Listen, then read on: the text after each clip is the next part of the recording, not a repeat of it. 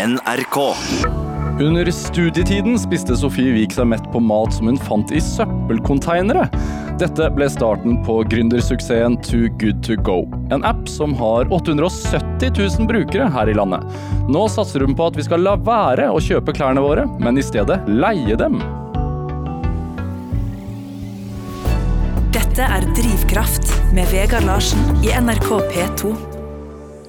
Sofie Wiik, velkommen til Drivkraft. Tusen takk. Veldig hyggelig å ha deg her. Du, hvordan har du det?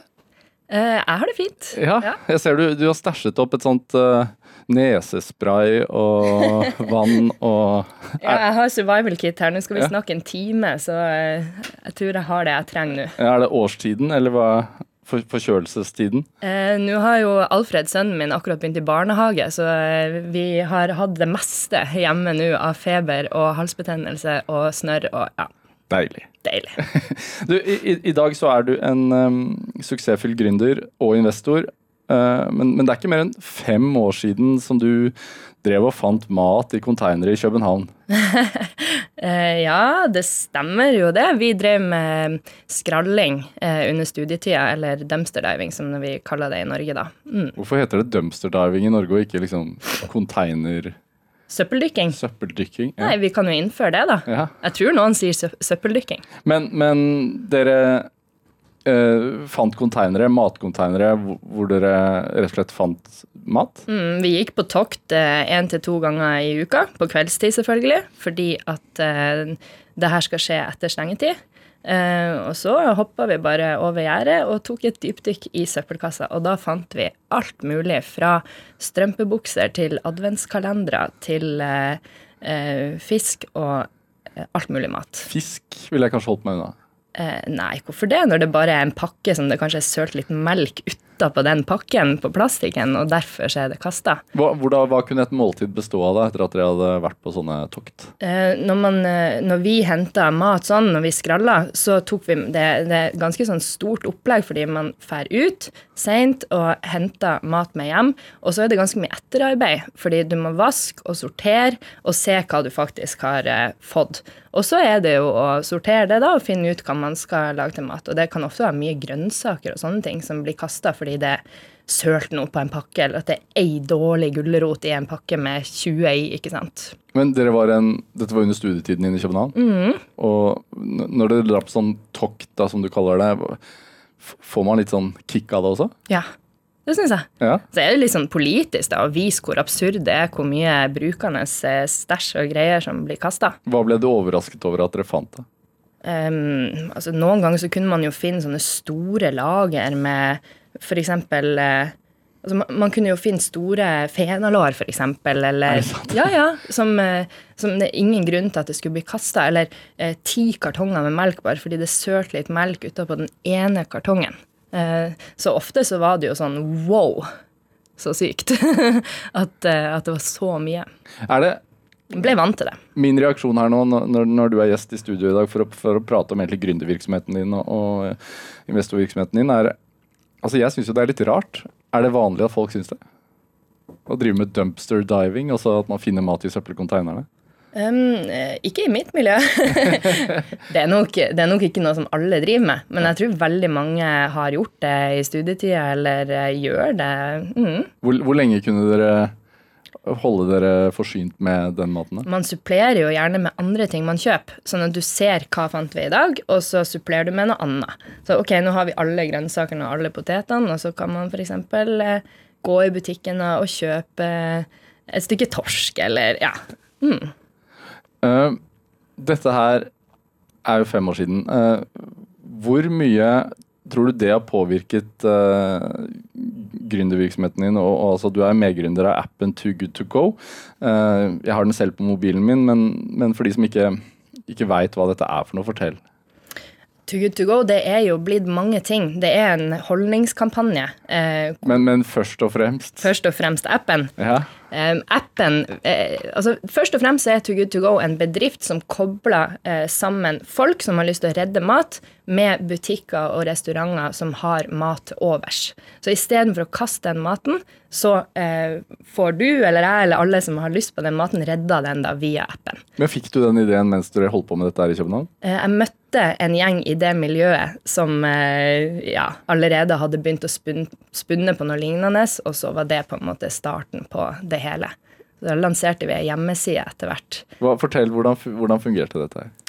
Hvordan det fungerte i Danmark da. Ja. Altså, du må huske på at det var bare et par måneder eh, med dette i Danmark før vi tok det til Norge. Ja. Eh, så ting gikk ganske fort, men først og fremst så lanserte vi da ei hjemmeside hvor man da skulle kunne eh, kjøpe overskuddsmat fra buffeer i København. Um, og så så vi jo at det var masse interesse, og mange som syntes det her var kult, men vi fikk liksom ikke fart på det. Så vi skjønte at vi må ha en app. Um, og da fikk vi med oss en student som begynte å utvikle appen i lag med oss. Og kort tid etter det så eh, ringte en journalist fra Norge og lurte på om ikke det her skulle komme til Norge, for da hadde hun lest noe presse i Danmark. da. Okay. Så da eh, tok jeg og en annen nordmann som heter Stian dere bare Å, god idé. Eh, ja, rett og slett. Vi tenkte at Jeg hadde ingen planer om å flytte tilbake til Norge da. Eh, Men vi kjente at nei, vi må eh, snuse litt på det norske markedet. Så vi booka billett med nattbussen.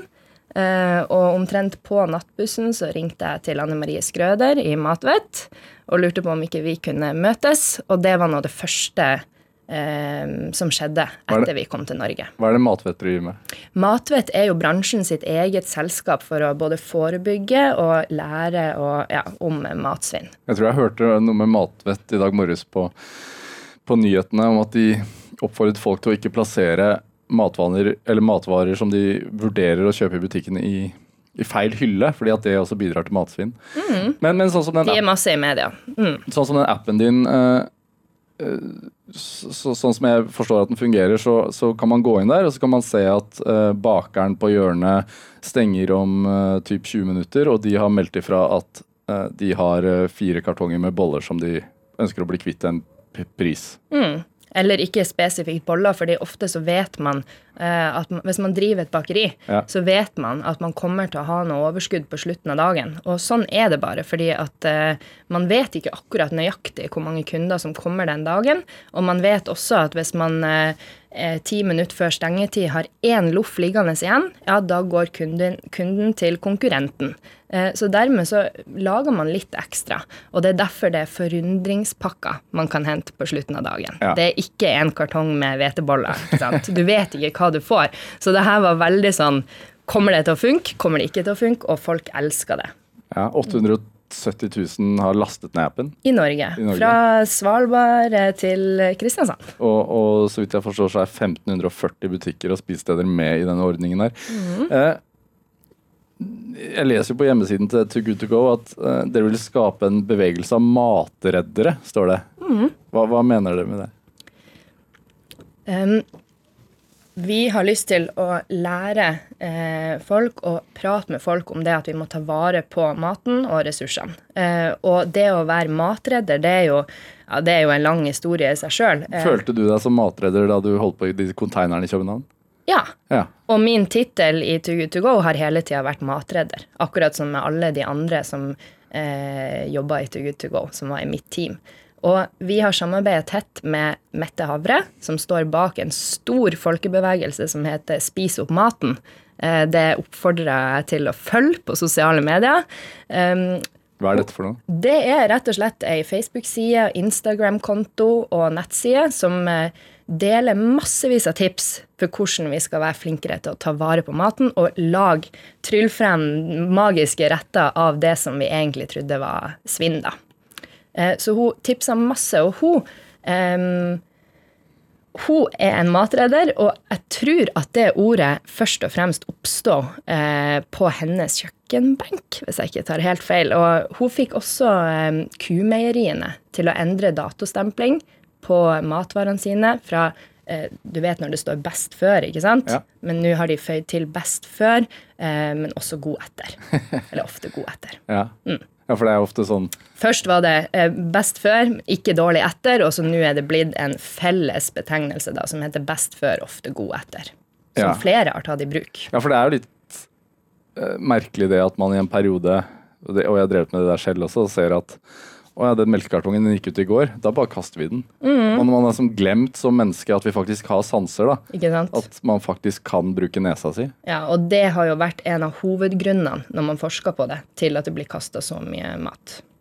At At man tror, at man misforstår datostemplinga. At man tror at det, det er så satt da, at man ikke trenger å bruke øyne, nese eller å smake på det lenger.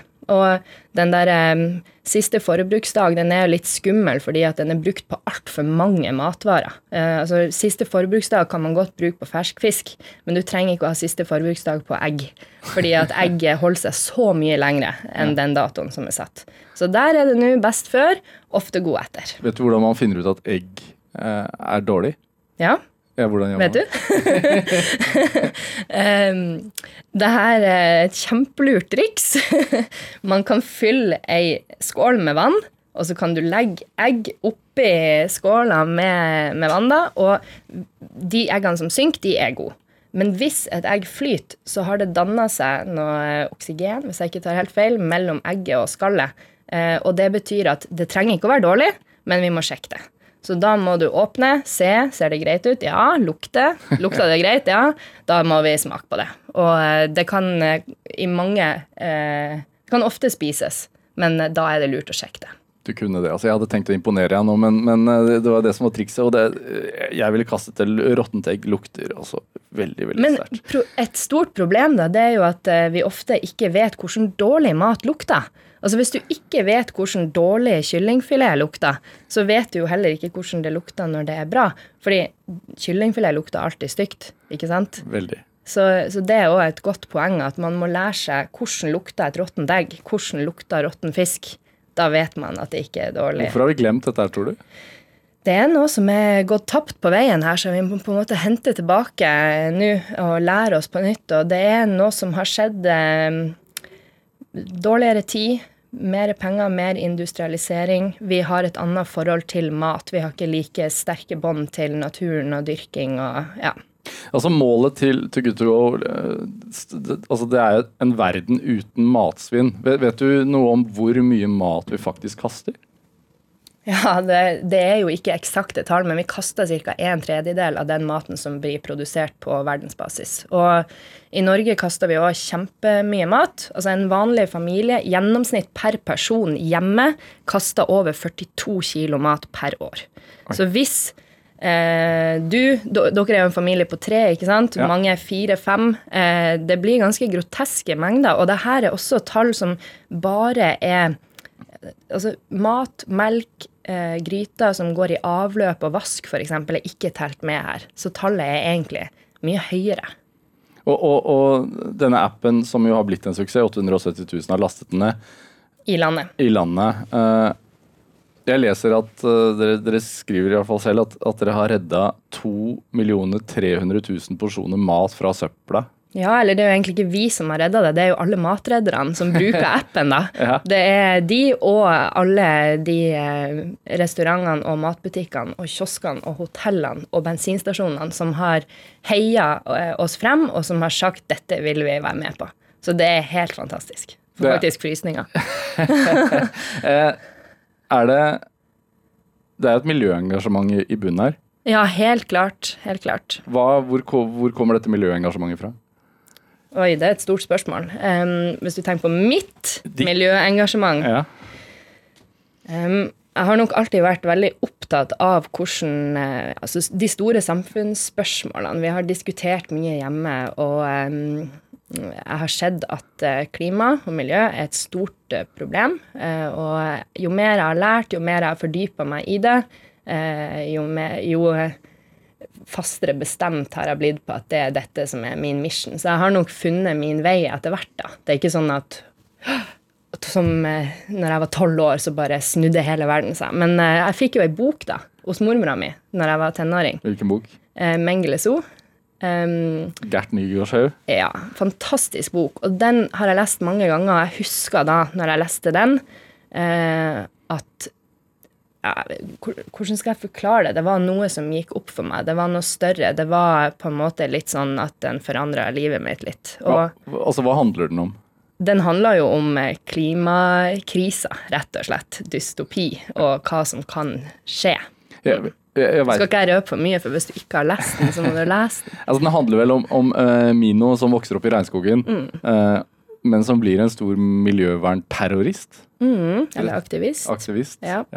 Eh, vi skal høre litt eh, fra åpningen vi har Mengles U. Åh, ja. Magnoliaåsen sydøst for landsbyen lyste gyllengrønn i den lave kveldssolen, og den milde, fuktige, nesten umerkelige brisen førte med seg den litt bitre duften av kan foreira, kamfer. Midt oppi alt det grønne tronet jacarandatrærne i full blomst. De lignet porselensblå fyrtårn som lokket til seg alle fugler fra sopilotes og kolibrier til tukaner med nysgjerrige nebb. En sverm statiras, sitronsommerfugler, lettet fra sitt ly etter den kraftige, raske ettermiddagsskuren og fløy innover landsbyen, lokket av de sterke duftene fra blomster- og grønnsakstorget. Det var hett, og det dampet fra jungelen. Kom deg vekk, din lille skurk, eller skal jeg mane frem alle obojo og kajimi-åndene fra skogen så de kryper inn under teppet ditt om natten og biter gift inn i kroppen din. En tynn, gammel kokosselger slo med den fillete hatten sin etter en liten barbeint, halvnaken guttunge som smatt lynrapt unna med en trillende, ertende latter. Minio Aquiles Portuguesa var seks år og hadde mistet nesten alle melketennene. Han gjemte seg bak stammen på det kjempedigre platantreet. Ja, fra åpningen av Gjert Nygaardshaugs Mengles So fra 1989, det er altså lest av Helge Winther Larsen. Eh, Jeg har eh, gründer Sofie Wiik her hos meg i Drivkraft i dag, eh, og, denne boka inspirerte deg. Hvordan da, liksom? Jeg husker bare at det gjorde, eh, det gjorde noe med meg å lese den, og den, jeg har tenkt veldig mye på den. Her, jeg var sikkert tolv år da jeg leste den første gang, og det er ikke lenge siden jeg hørte den på lydbok igjen. Jeg har hørt den eh, jevnlig igjen og igjen og igjen, og den er jo like aktuell i dag. Og det var på en måte en sånn forståelse av eh, eller ikke en forståelse, fordi det var jo bare begynnelsen på det, men eh, det beskriver en veldig sånn helhet, da. Hvordan alt henger sammen, og hvordan det må forstås i sammenheng eh, hva vi gjør her. Hvordan påvirker det? Hvor urettferdig er ikke det for, eh, for noen på andre sida av jordkloden, f.eks.? Hvordan henger det hele sammen, da? Du, eh, du har vært med å utvikle eh, Too Good To Go-appen eh, og tjenesten. Eh, jeg lurer på hvor hvordan er, eh, for folk som sitter med liksom en gründer i magen og har lyst til å utvikle sånne ting, hva, hvordan er veien fra idé til at appen er ferdigstilt og liksom man setter det ut i livet? Oi. Um, det tror jeg er veldig forskjellig fra um, idé til idé og prosjekt til prosjekt. Um, det er et stort spørsmål. Det er jo veldig mye jobbing. I vårt tilfelle så bodde vi ganske mange mennesker i ei lita leilighet og jobba dag og natt og hadde egentlig ganske sånn strenge regler for uh, oss sjøl, da, for at vi skulle klare å jobbe så mye. Hva var reglene? Uh, blant annet så gikk vi ikke alle ut og henta lunsj, f.eks. Ja, det var ganske sånn Det var ganske knallhard jobbing. Jeg levde blant annet uten lønn i over et år. Um, da var det veldig greit å ha Too Good To Go. Når det var begynt å kjøre, så brukte jeg det fra dag én, rett og slett. Men, men da du, du, tok med deg denne ideen fra København og Danmark og tok den til Norge, hvordan, hva, hva begynte du med? Hva, hvordan begynner man å selge inn en sånn idé? Uh, ja, jeg var jo litt inne på det, men uh, noe med det første jeg gjorde, det var jo å uh, og prøve å researche hvem er det som er opptatt av dette temaet i Norge. Og da fant jeg jo fort frem til Matvett, ja. Matvett og Anne Marie Skrøder i spissen. Så um, hun ble jo en slags sånn Hun tok meg litt under vingen, da. Hun likte prosjektet og syntes det var en god idé. Og jeg tror hun bestemte seg ganske kjapt for at det her skulle hun heie på. Eh, og hun hjalp meg også da inn på og fikk ha møter med de store aktørene. Da først og fremst i bakebransjen. Fordi da jeg kom til Norge, så så jeg jo at eh, her er det jo nesten ingen bufférestauranter, sånn som vi har i København. Eh, så her må vi tenke litt annerledes. Hvor er det det største svinnet er? Hva skal vi ta tak i først? Veldig mange kafeer og bakerier. Ja, og det kastes så mye brød, så vi tenkte at det er her vi begynner. Og da var det rett og slett bare å gå rundt og banke på dører, og det gjorde jeg mange, mange, mange, mange, mange timer om dagen. Helt til at jeg forsto at det her går ikke. Vi må organisere oss litt mer. Vi må ha noe hjelp. Um, vi må ha noen frilansere og noen frivillige som uh, har lyst til å bidra, og det fikk jeg jo raskt. Um, Hvordan fikk du dette her, da? via sosiale medier. Vi begynte å bygge opp en plattform på sosiale medier. Um, F.eks. da Line eh, Larsen, som begynte som frivillig eh, fra Trondheim mens hun studerte der. Eh, vi bare snakka på Skype, og eh, hun var bare så eh, knallbra og brant for det her, på samme måte som meg, da. Så hun begynte å selge inn løsninger i Trondheim mens hun studerte der. Og nå når jeg gikk ut i permisjon i fjor, da tok hun over min rolle og liksom har, i Too Good To Go da, og har vært med å bygge opp sin egen arbeidsplass. Og nå etter jeg er gått ut, så er hun der fortsatt i ledergruppa. Så det ja, nå snakka jeg meg litt bort, men det er rett og slett en gjeng jeg har hatt i lag med meg da, etter hvert som har eh, som brenner så for nettopp at vi må bli flinkere til å ta vare på ressursene og maten, og de har skapt sin egen arbeidsplass ut av det. Hva syns bedriftene eller bakeriene om dette her i starten? da? det både òg. Eh, noen har vært kjempemodige og bare sagt så kult, det her vil vi prøve. Eh, mange har sagt eh, det her går ikke, og så har jeg tenkt eh, jo, det gjør det. Dere kommer med etter hvert. og det har faktisk skjedd. Det er veldig mange som har sagt nei først, som har kommet med senere. Hvorfor sa de nei, tror du? Og det er alltid skummelt med nye ting. Ja, det er det. Det er veldig vanskelig å selge inn ei ny, innovativ eh, løsning som ingen har hørt om før, og så skal de liksom bare si 'Å ja, ja, dette gjør vi med en gang'. Det er omtrent bare Scandic, det, som er av de store aktørene som sa liksom 'yes' med en eneste gang. Men er det også fordi at man, hvis man produserer mat, så er det litt flaut at man faktisk innrømmer at man mm, kaster en stor del av det?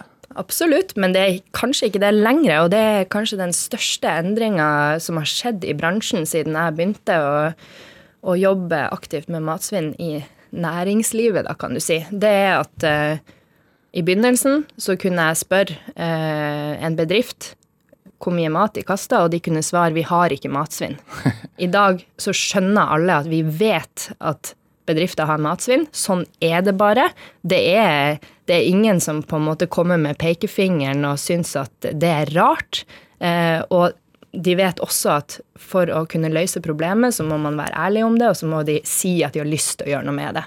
Så det er jo en kjempestor endring. Fra å, ja, fra å rett og slett nekte for det, til å være helt innforstått med at dette er transparent. Det her skal vi snakke om. Vi skal løse det. Men hvordan fungerer det? Altså, man, man handler eh, dette matsvinnet, hvis man er som kunde, disse forundringspakkene, som det kalles, eh, får en rimeligere penge. Mm. Eh, og så går eh, noe av det til to good to go, og noe av det går til bedriften. Ja, helt ja. riktig. Forretningsmodellen er veldig enkel. Altså, vi legger jo til rette for at de skal kunne videreselge maten da, for en billigere penge. Uh, og en gang i måneden så får de på en måte penger for noe som ville vært kasta uh, uansett. Uh, og så har Too Good To Go da tatt en kutt fra det. For formidling og ja. Det er så det er det, med, det er delingsøkonomi. Det er det med de veldig smarte ideene. De er tilsynelatende så enkle. Ja. Og det er Ja. Eh, ting, ting, har jo altså, ting har med andre ord skjedd veldig på tre år. Fort. Det har gått fort.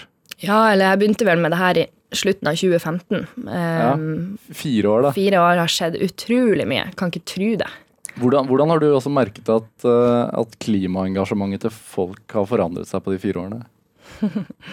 ja, det er jo en annen verden nå. Altså, um, jeg har jo vært i et miljø Jeg har hatt venner i studietida eh, i Danmark som har vært veldig opphengt i det her. Eh, og kanskje mer miljøengasjert enn eh, mange av de eh, miljøene som jeg ser i Norge i dag. Altså, det var ganske intenst, da, kan du si. Eh, men det var kanskje bare en liten del av samfunnet. Eh, jeg så jo det veldig mye og levde litt nok i et sånn ekkokammer, som vi kaller det. Hvordan var det intenst, da?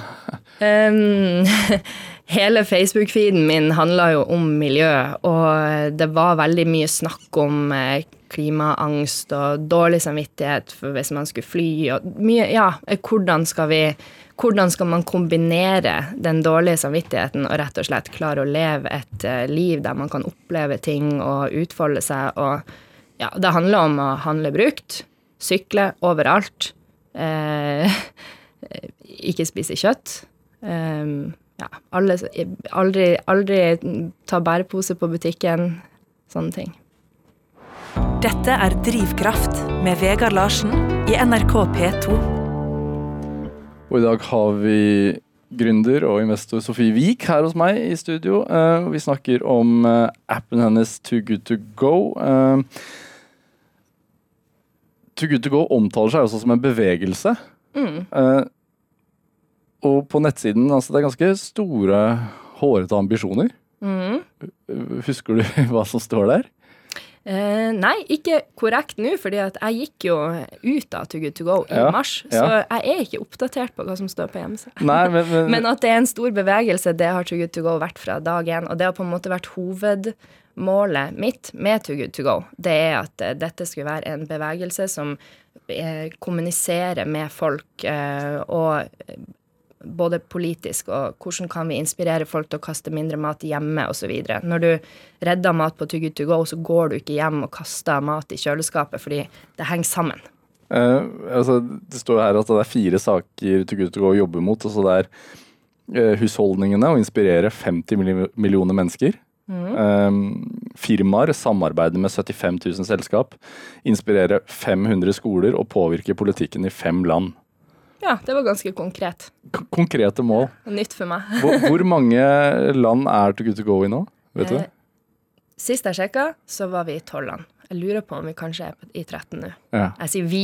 Eh, jeg Fremdeles. Jeg er, jeg, fremdeles sier jeg vi. Det er så en, jeg er så vant til å snakke om Too Good To Go på den måten, men jeg er jo faktisk ikke en del av Too Good To Go lenger på sånn sett, eh, Nei. selv om jeg fortsatt er investor, investor der. Ja, men fordi til tross for at du var med å bygge dette her opp, og det, at det ble en kjempesuksess, og, og ambisjonene er store og sånn, så, så valgte du jo å, å gå ut. Hvorfor gjorde du det da?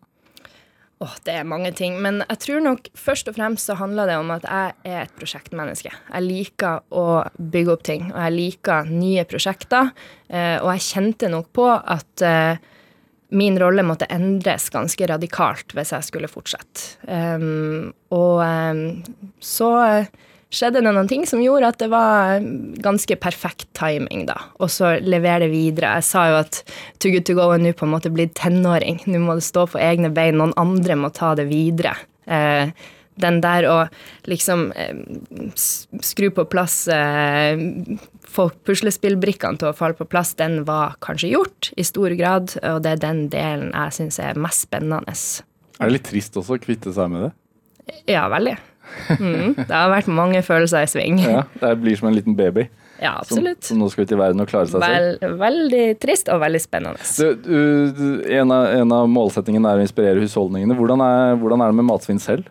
På hjemmebane hos deg? Eh, Jeg har jo vært veldig opptatt av det her superlenge, men som vi snakka om i stad, så må jeg jo si at eh, det å ha småbarn hjemme som eh, skal smake på alt, og som er begynt å spise sjøl og sånn, det gjør at vi av og til kaster litt mer mat enn jeg skulle ønske. Og det syns jeg er ganske forferdelig. Og så er det jo hele tida å prøve å finne gode verktøy da, for ikke, at ikke det skal skje. F.eks. gi gutten eh, færre ting om gangen. Ta på litt og litt, ikke ta på så mye.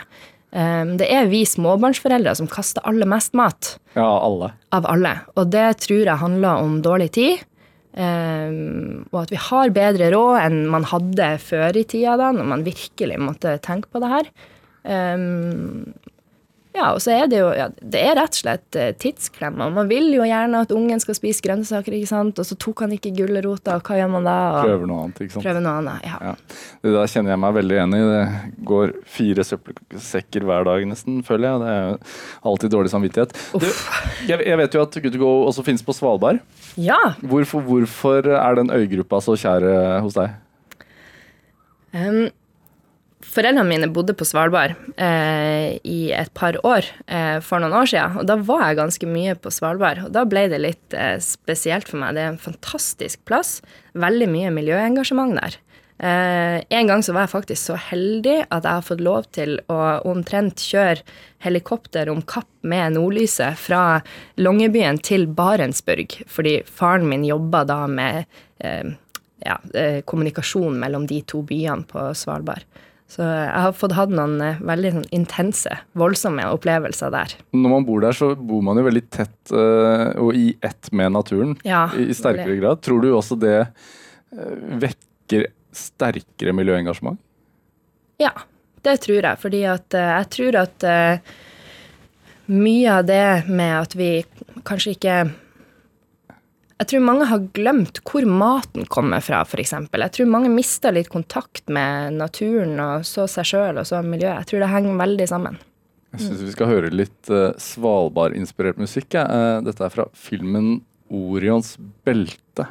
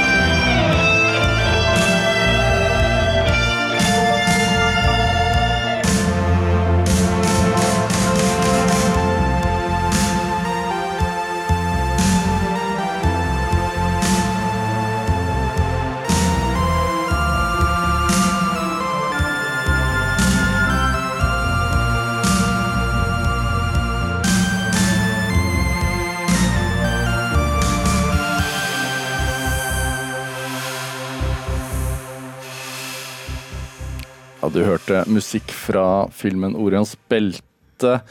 Eh, og i dag har vi appgründer Sofie Wiik her i Drivkraft. Og vi har snakket om eh, suksessen du har vært med å bygge opp. Eh, mattjenesten, matsvinntjenesten to Good to Go. Matreddertjenesten. Matreddertjenesten. Viktig med positiviteten der. Ja. Eh, mm, som, du, som du har solgt deg ut av. Eh, siden det er en suksess, altså, var det bra butikk for deg? Eh, det vil jeg ikke kommentere på. men, men dette har i hvert fall gjort at du har, har kunnet um, satse på noe helt annet? Jeg har tjent noen penger på salg av noen aksjer, Um, og de har jeg valgt å reinvestere i et nytt grønt prosjekt. Ja. Um, bærekraftig næringsliv er på en måte fremtida, og ehm, jeg har valgt å gå inn i Fjong. ja. Som er Fjong er en plattform som legger til rette for deling av klesskap, rett og slett. Altså du kan leie klær og leie ut dine egne klær på Fjong. Um, og vi har begynt med kvinneklær, eh, og det var i utgangspunktet ganske mye sånn pene kjoler og litt mer eksklusivt eh, tøy. dy dyre klær. Ja, dyre klær og litt finere ting. ikke sant? Når du skal i et bryllup, så er det veldig mange damer da som kjøper seg kanskje en ganske dyr kjole som man bruker én gang, og så blir den hengende i skapet etterpå. Og det er jo veldig dårlig butikk og veldig dårlig for miljøet, og det gir bare dårlig samvittighet. Så hvis man har sånne kjoler i skapet, så kan man leie det ut på Fjong. Og hvis man skal i et bryllup eh, senere, f.eks., så kan man leie kjole på Fjong. Jeg hadde eh, serieskaper Øystein Carlsen her i Drivkraft Ja. for, en stund tilbake. Og jeg vet at eh, altså, han har laget eh, NRK-serien Exit, som går, går på TV nå, eller på NRK eh, TV på, på internett. Eh, og der vet jeg at de har brukt Fjong. Ja, jeg satt jo og hørte på den eh, episoden helt tilfeldig. Ehm, og da eh, leste jeg omtrent samtidig en artikkel om det, fordi at vi har leid ut klær til de eh, i Fjong, da. Ja, og det, det, Der er det eksklusive vesker og eksklusivt tøy. Eh, men, men hvorfor er dette her eh, eh, miljøvennlig? Altså, vi kaster ekstremt eh, mye klær. Eh, vi kjøper mye klær og kaster mye klær. Og nordmenn kjøper nesten 400 plagg i gjennomsnitt eh, hvert år, mens eh, hvert femte eller noe sånt henger ubrukt eh, i skapet. Eh, og så snakker vi så mye om at vi må endre måten vi konsumerer på, og miljøet er hottere enn aldri før. Og så kaster vi mye mer klær i dag enn vi f.eks. gjorde tilbake på 90-tallet. Men er ikke også klær en del av liksom, identiteten vår? Jo, på mange måter er det jo det. Så vil, vil du ikke liksom, Er det ikke noe med det å eie sine egne plagg? Ikke for meg, og jeg tror i og med at det her fungerer, så er det mange flere som har det sånn at OK, du kan ha jeg vil gjerne eie min dongeribukse som jeg går med hele tida. Jeg vil gjerne eie undertøy og underskjorte og T-skjorte og sånne ting i treningstøy. Uh, mye av det kjøper jeg brukt. Noe nytt. Uh, gjerne da av god kvalitet, sånn at det holder lengst mulig. Men så er det sånne sesongplagg, trendplagg. Du får lyst på noe nytt. Å, dette er trendy nå. Da kan man leie det. Det er perfekt å leie det. Men, men jeg leser jo at sånn, eh, kleskjeder og sånn er pressa. Hva tenker de om dette her, tror du? Jeg tenker at uh, hele næringslivet og alle bransjer bør forstå at uh, vi må ha omstilling. Vi må endre måten vi konsumerer på. Så jeg vil tro at de fleste forstår at det her er veien å gå, at det her er lurt, og heier på det. det altså, nå, nå, på fredagen som var, så gikk jo uh, over sju millioner mennesker verden over i demonstrasjoner for klima. Tenk!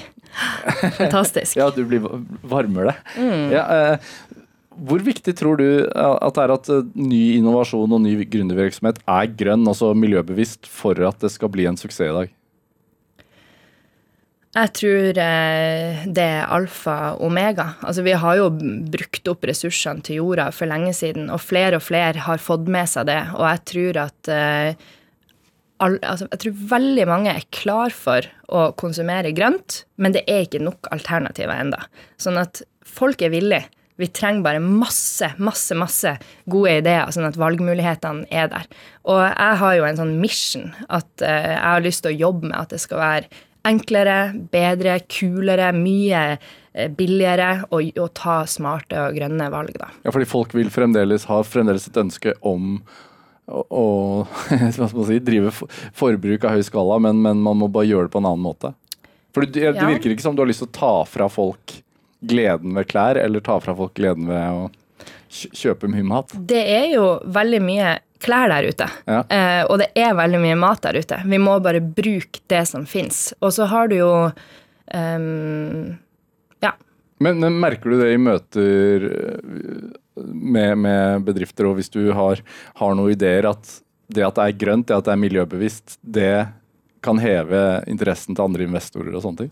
Ja, absolutt. Jeg tror eh, altså, Og det er jo bare kjempebra at, eh, at folk får øynene opp for at grønn business, det er god business. Og penger og miljø, det går hånd i hånd. Fordi det er nå engang sånn at vi har det kapitalistiske systemet som vi har i dag.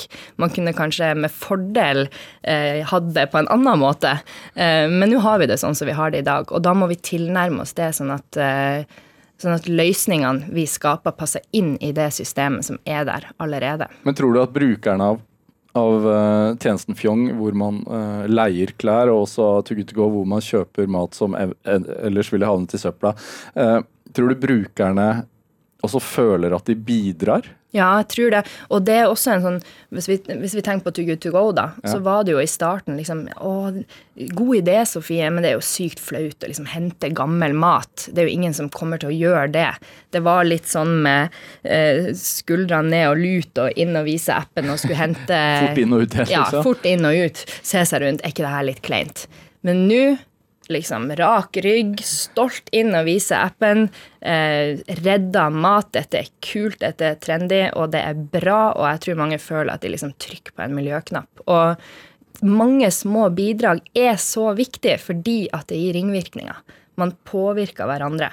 Så hvis du leier et klesplagg istedenfor å kjøpe det og fortelle om det, og dette er liksom dette er stas, og det er bra for alle, eh, så blir folk påvirka av det. Det er nesten litt ekstra kred hvis du får, får komplimenter for en fin veske, og så spør de hvor har du kjøpt den, og så sier man at man leier den i stedet. Ja, ikke sant? Og nå er jo ikke jeg akkurat sånn fasjonist, da, så jeg er veldig glad for at uh, Fjong nå skal begynne å uh, prioritere også litt annerledes. da. Vi jobber hardt nå med ei sånn abonnementsløsning som gjør at man kan, uh, man kan ha en subscription, og så får man nye plagg hver måned. Eh, og det skal være litt mer nedpå plagg. Altså selvfølgelig god kvalitet, bra eh, plagg som varer, men uh, ullgensere og skjørt og vanlige ting som man kan bruke på jobb, f.eks. Som jeg òg kan bruke. Hva, hva, syns, hva, syns, du om at uh, flyselskap, oljeselskaper og sånne ting fronter seg som grønne? De prøver å kaste seg med en bølge her. Ja, det er jo en veldig interessant tematikk. Det er et veldig stort spørsmål, vanskelig. Eh, men, eh, men jeg tenker jo at vi altså, det her problemet er så omfattende at vi er nødt til å heie frem eh, alle gode tiltak som de store bedriftene gjør. For det er faktisk de kan faktisk endre ganske mye, eh, de store aktørene. Um, og hvis de går foran og viser vei, eh, så har de en stor del av eh, kundegruppa og ja. Men de kan også utvanne begrepet, da? Ja. og hvordan tenker du at man skal klare etter hvert å liksom skille mellom ekte grønnhet og liksom grønnvasking? Ja, det er veldig viktig å snakke om det. fordi det er jo faktisk ikke sånn at uh, du kan gå ut i avisa og fortelle at konsernet ditt nå er miljøvennlig fordi dere har endra til flerbrukskopper, liksom. Det er, det er mer som skal til. Og det, jeg tror det er veldig viktig å prate om det, ha den debatten oppe hele tida. Fordi uh, det er klart at jo mer klima og miljø kommer på agendaen, jo mer populært blir det jo også i form av markedsføring. Så Um, burde det funnes et sånn svanestempel? Det burde funnes et sånn miljøstempel, ja. Men, uh, og det, det, er veldig spennende å tenke på, og det krever jo masse Det krever først og fremst at firmaene og de store altså, at, at, aktørene i næringslivet åpner opp og rapporterer på alt. ikke sant? Sånn at man faktisk får vite hva er det som skjer her. Og det skjer jo i mye større grad. Vi har jo bl.a. bransjeavtalen, eh, Kutt matsvinn. Um, som eh, Matvett har eh, vært pådriver for, um, hvor de, hvor de har liksom sagt seg villige til da å rapportere på hvor mye svinn de faktisk har. Tror du at Er du sånn teknologioptimist? Tror du at teknologien kan være med å redde miljøet? Jeg tror den kan være med å redde miljøet, ja. Men ikke alene. Hva må til mer, da? Holdningsendringer. Og eh, man må være villig til å legge om eh, forbruksvanene sine som, som, som ung eh, gründer og investor, også, hva tenker du om at innovasjonen i Norge for tiden eh, fremdeles er veldig sånn Altså man satser store summer og gir subsidier til olje og gass og sånn? Nei, det er ikke bra. det er De pengene burde vært brukt på mye smartere forskning. Mm. Støtte unge entreprenører? Ja, for eksempel. Dette er Drivkraft med Vegard Larsen i NRK P2. Og I dag har vi gründer og miljøforkjemper Sofie Wiik her hos meg. Jeg kalte deg miljøforkjemper igjen, og det er greit, det? Takk. Eh, hva, vil du, hva, vil du, si har vært eh, de største utfordringene som du har møtt i, i din gründervirksomhet? Tenkte du nå på Too Good To Go? Ja, for ja. eksempel. Oi, det er mange. Eh, jeg tror nok de største De aller største utfordringene for meg Nå er jeg en ganske sensitiv person. Eh, og jeg tror nok de aller største utfordringene for meg sånn sett er menneskelige utfordringer. Altså person, ned på personnivå, da. Uh, uten at jeg vil gå noe mer inn på det. Men, men også det å skal lansere en helt ny ting og få motstand, det kan jo være Det har vært utfordring. Hvordan motstand har du møtt, da? F.eks. at man ikke er villig til å ta i bruk et nytt verktøy. og eh, er redd, At man som stor aktør er redd for å um, teste det. Fordi at uh, det er så nytt, og man har gjort ting um, på samme måte i 100 år. ikke sant? Nå var jo du heldig og fikk uh, hjelp uh, fra starten av. Mm. koblet deg opp mot folk som, som, ville deg vel. Men, men altså når du har fått til noe sånn som, som To Good To Go da, uh, så godt, uh, har, du noen, har, du noen, tips liksom, til andre med gode ideer? Gå rundt og bank på dører, kanskje? um, fortell noen om ideen sin. Ja. Hør er dette Er ikke det veldig skummelt, da? Tror du ikke noen kan rappe den, da? Det kommer litt an på hvem du prater med det om, da. Ja. Um, jeg ville jo prata med noen som jeg er ganske fortrolig med aller først. Du har jo gjerne noen du kan dele ganske private. Vi holdt jo Too Good To Go hemmelig en god stund. Um, men vi prata jo med noen som vi stolte på om det, og så at dette er det et marked for. Sammen med Fjong uh, de, og, og Sigrun Syverud, som er co-founder i Fjong, hun og eh, teamet, de, eh, de prata om det. De var faktisk i media, så vidt jeg husker, eh, før det egentlig var ordentlig i gang. Så bare, de bare kjørte på. Og det tror jeg er ganske sånn felles med meg og Sigrun, da. At vi har bare kjørt på. Og, mm, Men du fikk med familien din i starten òg? ja, tenk på det. Så heldig. Um, mamma satt i styret, pappa var styreleder. Søstera mi hjalp meg fra dag én og ble senere ansatt sammen med samboeren min. Han, har, han jobber fortsatt i Too Good To Go. Så de hadde veldig troa på De hadde veldig troa på det, men jeg og pappa har jo snakka om det etterpå, at da han gikk inn liksom som styreleder og vi oppretta AS og sånn, så tenkte vi at eh, Eller han tenkte kanskje han hadde lyst til å støtte meg, da. Og at det var lurt å ha et AS, ikke sant, og at vi kunne jobbe med noen frilansere. Han hadde jo aldri sett for seg at om eh, to år så skulle vi vært ti ansatte, og ja. Er det en god ting å, å ha folk man stoler på veldig nært i starten? Mange vil jo si at den måten som jeg har bygd team på, ikke er så smart. Men for meg så eh, har det vært helt riktig, og det kan absolutt anbefales å ha Når du skal jobbe så mye, så vil i hvert fall jeg jobbe med folk jeg digger å være med. Eh, ja. Hva, hva, hva slags utdannelse har du? Denne, min eh, utdanningsbakgrunn er ganske schizofren. Jeg har eh, studert mange forskjellige ting, bl.a. litteratur, kommunikasjon og markedsføring og lektor. eh, og religion. Ja. Så, så, Jeg har ikke gjort ferdig. nei, så egentlig lite som er liksom gründervirksomhet. Ja, jeg har ikke studert eh, noe form for innovasjon eller noe sånt. Hva, hva tenker du om liksom norsk skolesystem i forhold til karriereveiledning og Um, jeg tror at eh, skolesystemet er lagt opp på en måte som ikke klaffer så godt for alle. Jeg tror det er litt viktig at vi prater om det her, fordi at eh, jeg føler at enda i dag, selv om man kan vise at man gjør ting på forskjellige måter, så er det en slags sånn norm der at ja, du skal ha en mastergrad eller to omtrent, og det skal ligge til bunn for at du skal kunne klare noe som helst. Eh, og jeg har jo f.eks. ikke gjort eh, ferdig masteren min engang. Eh, og eh, tidligere så har jeg faktisk tatt meg sjøl i å intervjue f.eks. og pynte litt på eh, forløpet mitt. Og plutselig en dag så gikk det opp for meg at hei, det her er jo helt eh, sykt. Jeg har fått til noe som jeg drømte om, eh, og får til å eh, påvirke folk og endre noe som jeg er opptatt av, men jeg har ikke den tradisjonelle mastergraden. Og hva gjør vel det? Eh, ja. Men Tenker du at folk utdanner seg litt i hjel? Kanskje litt, og jeg syns det er kjempebra med utdanning. Jeg har sjøl lært masse mens jeg har utdanna meg, men jeg syns ikke man skal være så redd hvis, den, hvis det ikke passer for en å sitte på skolebenken eh, og lese bøker dag ut og dag inn, så er det andre veier til å, å lære seg det man trenger å lære seg for å kunne få til det man vil. Hvilke veier er det, da? Det er jo bl.a. ved å jobbe og eh, være f.eks. i praksis i en bedrift som driver med ting du har lyst til å holde på med, eller ja, det er så mange måter. Reise og se. Eh, se hvordan ting fungerer andre plasser. Og, ja, det er så mange plasser du kan hente inspirasjon. da. Reise med toget, da. Ja, det kan du gjøre. Noen, eh, noen ganger så, så reiser man jo med fly også, da.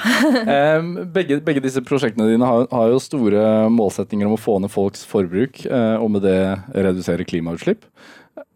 Hva tenker du om fremtiden, da?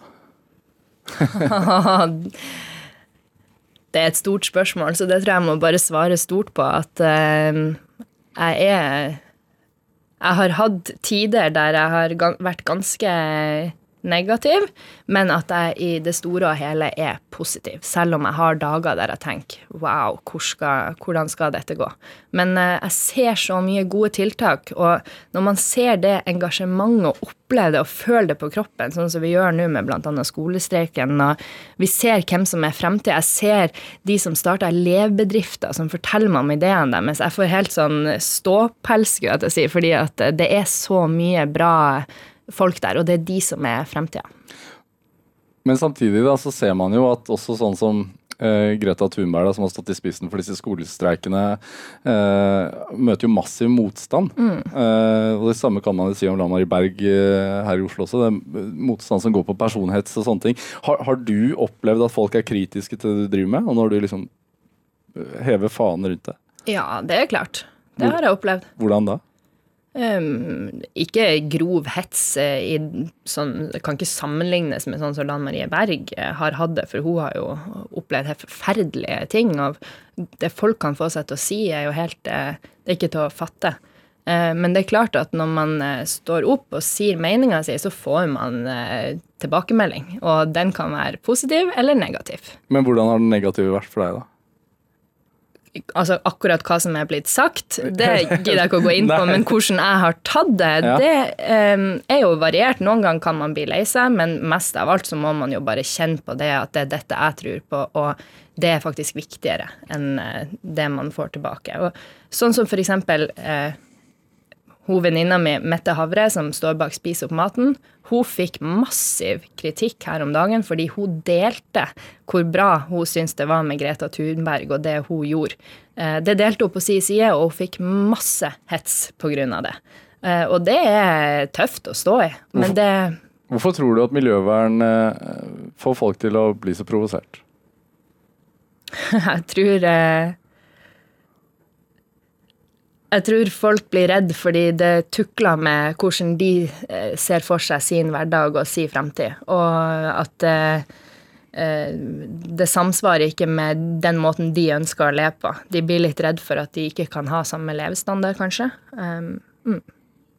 Og at de ser nå at dette som de kanskje trodde bare var en sånn halleluja-greie litt i bakgrunnen, det skjer faktisk, og nå er det ekte. Og hele næringslivet med på det. Og det skjer et skifte, og det er skremmende. Tror du det kan også være litt sånn at man merker at uh, å legge om på egne livs... Altså, at det føles veldig personlig når man Altså man føler det at man blir kritisert personlig fordi når noen sier sånn du skal ikke kjøre bil for mye eller du skal ikke fly for mye, Ja. at man tar det veldig personlig. Ja, jeg tror man tar det, tar det personlig, og så tror jeg det er veldig vanskelig at, noen, ja, vanskelig at noen skal komme og fortelle deg hva du skal gjøre. og Spesielt det her med flyskam. Det er veldig vanskelig. Og jeg tror folk tar det personlig. og Vi har jo f.eks. i Nord-Norge der det ikke går jernbane. Det er ikke så god forbindelse med kollektiv. Folk er helt avhengig av bilen. Og når noen da sitter i hovedstaden og liksom forteller hvor dårlig det er, da blir man kanskje litt sånn åh, blir litt, Får en litt sånn ekkel følelse i kroppen. Um, og så, så det som er så viktig, da, det er jo at det politiske systemet, altså samfunnet rundt, må jo endres og legge til rette. Vi kommer jo ingen vei hvis det skal sitte eh, hos Sofie i Nord-Norge og skamme seg fordi at hun måtte ta fly mellom Tromsø og Bodø. Liksom. Det er ikke så mange andre muligheter. Um, Hvor viktig har det eh, i Too Good To Go da, vært at man ikke skal heve pekefingeren og, og kritisere folk for at de eventuelt kaster mat, men at man liksom prøver å skape en positivitet rundt det? sykt viktig. Hvordan har dere tenkt rundt det?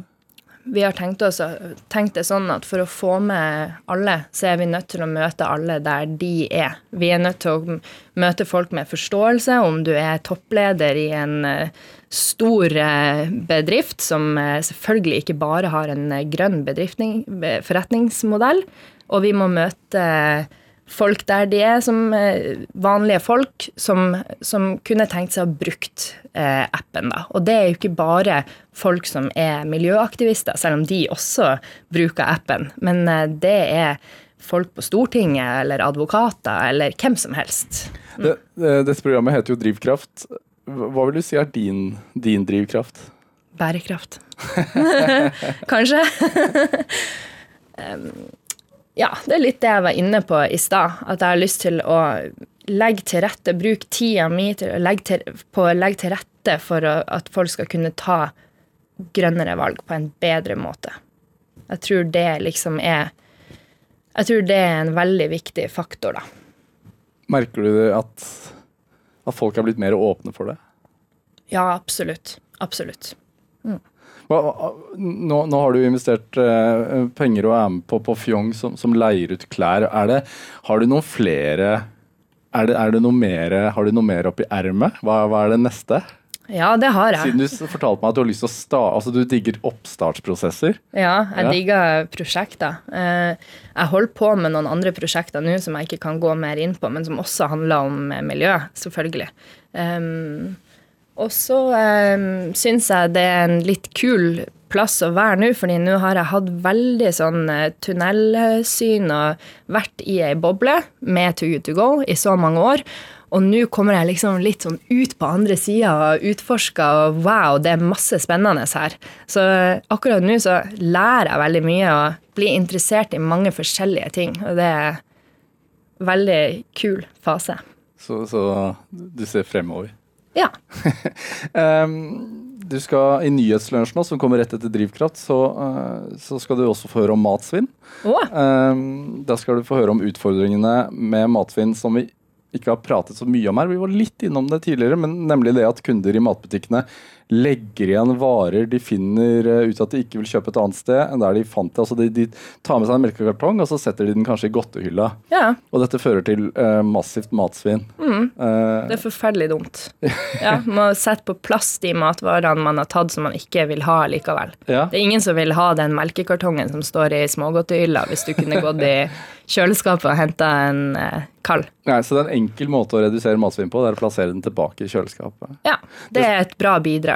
Det skal- Det kan du gjøre i butikken. En annen ting du kan gjøre i butikken, det er å f.eks. redde single bananer.